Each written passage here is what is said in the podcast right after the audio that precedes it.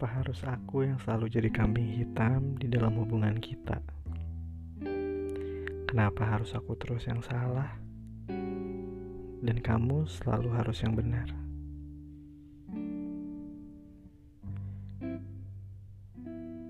Selamat malam dan selamat datang di Bincang Intim. Perbincangan yang melebihi hubungan intim bareng aku Reksa yang akan menemani malam intim kamu hari ini.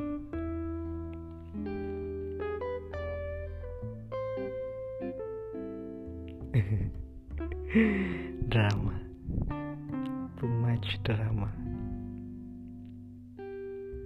Coba, siapa di sini yang gak pernah mainin drama?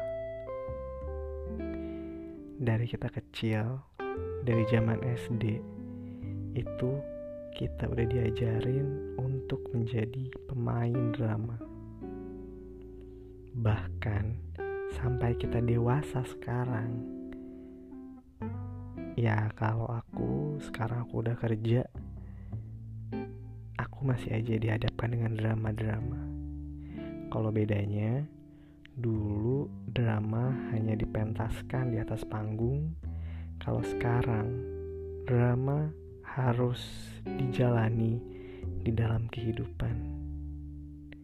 Yes, let's play drama. Drama of life. Bener nggak? Coba ngacung deh. Siapa di sini yang nggak pernah menjalani drama kehidupan? Gak mungkin kan yang nggak ada. Pasti pernah entah itu jadi pemeran utama pemeran pendukung pemeran pengganti penonton atau bahkan menjadi sudut pandang orang yang ketiga. Yang gak ada di lingkungan drama itu. Cuman pasti dengerin aja ceritanya. Bener nggak? Kalau bener kamu jangan senyum-senyum kayak gitu Ngaku aja. Drama nggak cuman ada di dalam kehidupan kita. Ya, yang pasti paling banyak sih itu drama di dalam hubungan yang pasti sering terjadi. Aku selalu salah dan kamu selalu benar. Waduh, gila. Itu permainan dramanya udah mantep. Ya, matang banget itu penguasaan dialog dramanya. Atau drama pertemanan. Please guys gue tuh nggak bisa. Aduh drama banget. Atau yang lebih epic lagi drama di pekerjaan drama di kantor. Please gue udah coba segalanya tapi bos gue tuh masih selalu gini. Bos gue tuh masih selalu gitu. Wow drama everywhere.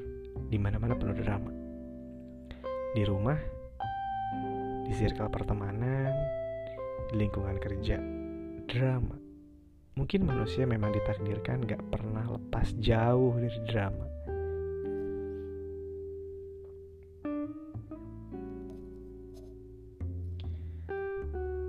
Drama memang menjadi bumbu kehidupan.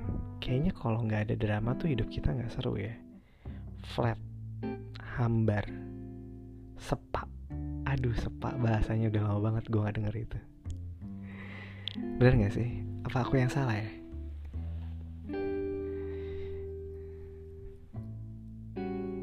Jadi gimana?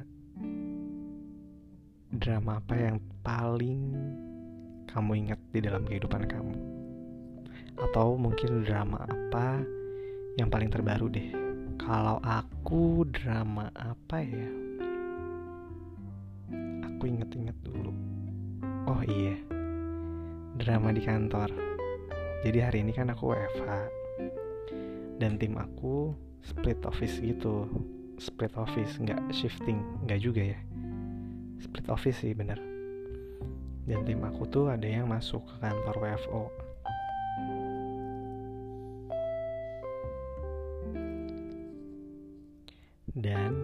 curhat lah di WhatsApp. Sa gue tuh nggak suka si bos A ini gini gini gini. Si bos A itu selalu nyudutin gue. Si bos A itu selalu gini gini gini gini gini gini gini. Wow panjang. Panjang panjang panjang. Gue bingung mau respon apa. Ya balas aja singkat kali ya jelas dan padat. Aku cuma balas gini. Aku cuma bilang gini aja. Kayaknya lo berdua harus duduk deh dalam satu meja yang sama. Harus gue dudukin dalam satu meja. Harus ngobrol dari hati ke hati. Siapa tahu atau mungkin nih mungkin kalian tuh sebenarnya saling cinta. Tapi cara mengungkap, mengungkapkan cinta kalian aja yang beda. Bisa aja nggak aku nggak salah kan? Kamu belain aku kan? Bisa aja teman aku yang ternyata saling mencintai tapi ternyata dengan cara yang salah. Dari situ aku baru merasa dan dari situ aku baru mikir nih bahwa drama itu tidak akan muncul jika tidak ada konflik. Pernah gak sih kamu lihat drama yang gak ada konfliknya yang dramanya itu dari awal sampai akhir flat atau manis terus. Drama itu sebenarnya kayak hidup. Drama itu bisa naik kadang drama itu juga bisa turun. Kadang pemeran utamanya jadi jahat. Kadang pemeran utamanya merasa dirinya disakitin atau yang dianiaya menurut aku ini menurut aku drama itu muncul ketika ada satu pihak yang merasa dirugikan meskipun pihak lainnya merasa tidak merugikan. Bener gak sih? Kamu ngerasanya gitu nggak?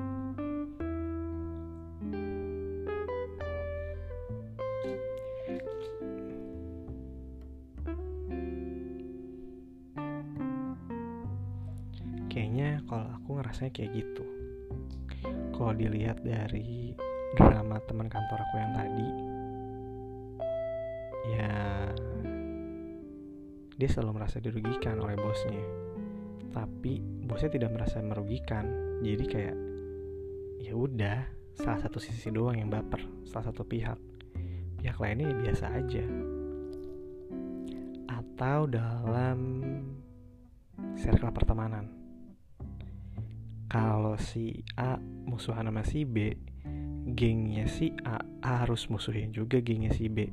Bener nggak? Coba ayo.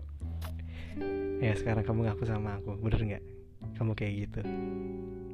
Kalau kamu atau geng kamu musuhan sama seseorang atau seseorang di antara di dalam geng kamu nih musuhan sama orang lain kamu dan geng kamu tuh harus ikutan musuhan juga sama orang itu. Pasti bener ngaku deh. Ngaku aja. Apalagi kalau cewek-cewek ini. Biasanya cewek-cewek yang kayak gitu. Kalau cowok-cowok sih kita ya chill aja lah. No baper-baper. Ya gak sih?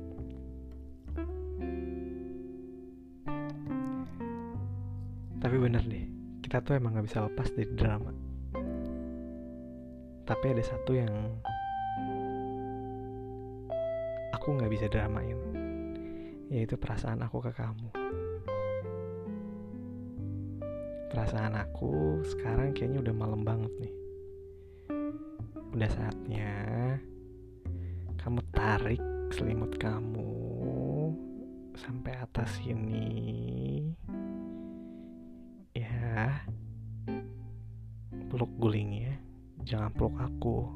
Peluk gulingnya Sini, aku usap-usap kepala kamu sebentar. Sambil kamu pejamin mata. Nah.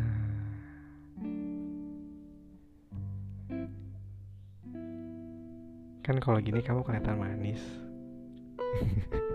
enggak kok, aku nggak gombal, apalagi aku drama, enggak lah. Sayang aku ke kamu itu nggak drama. No play play istilahnya kalau zaman sekarang Oh iya, aku mau cerita sedikit, boleh nggak? Boleh? Sebelum kamu tidur lagi. Ya, kamu jadi melek sekarang. Ya udah, aku mau cerita sebentar.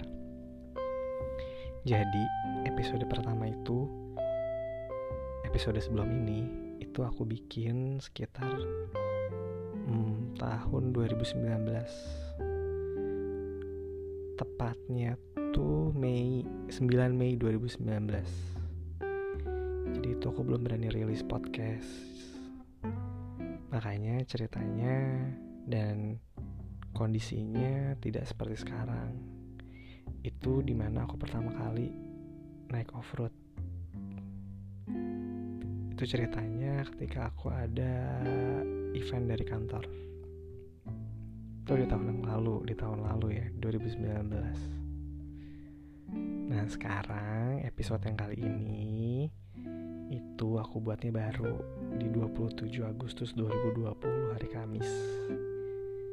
Jam ya jam kamu tidur lah hampir jam 11 malam. Udah aku mau cerita itu aja sih sedikit. Supaya kamu bisa tidur lagi ya. Kan tadi udah merem sekarang merem lagi ya jamin mata kamu sambil aku lus-lus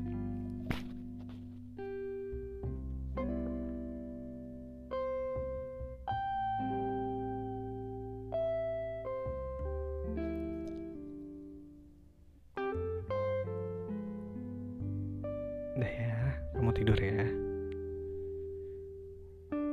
Biar besok kamu bisa lebih fresh lagi bangun pagi. Selamat tidur dan selamat malam. Sekarang saatnya aku, Reksa, pamit dan undur diri. Dari bincang intim hari ini. Semoga aja besok atau mungkin malam-malam berikutnya aku masih bisa nemenin kamu buat pillow talk kayak gini karena ada beberapa orang yang nanya bincang intim tuh konsepnya apa sih? Konsepnya pillow talk kayak gini kayak sekarang. Sambil nemenin kamu tidur sambil aku cerita dan mungkin bisa jadi teman tidur kamu. Maksudnya teman pengantar tidur bukannya teman tidur. Kalau teman tidur enak di kamu atau enak di aku? Enggak kok bercanda. Udah kamu tidur lagi ya. Oke aku pamit ya. Aku undur diri ya Selamat malam Kita ketemu lagi di episode 3 Episode berikutnya Di Bincang Intim Perbincangan yang melebihi hubungan intim Dan kalau kamu ada pertanyaan Atau kalau kamu mau curhat Mau cerita apa pun boleh DM aja ke Instagram aku di @rkshrt. Nanti aku bales dan aku bakal ceritain di bincang intim episode berikutnya. Ya, selamat malam aku banyak banget ngucapin selamat malamnya ke kamu. Selamat tidur ya. Mimpi yang indah. Dan jangan lupa bawa aku ke mimpi kamu. Dadah.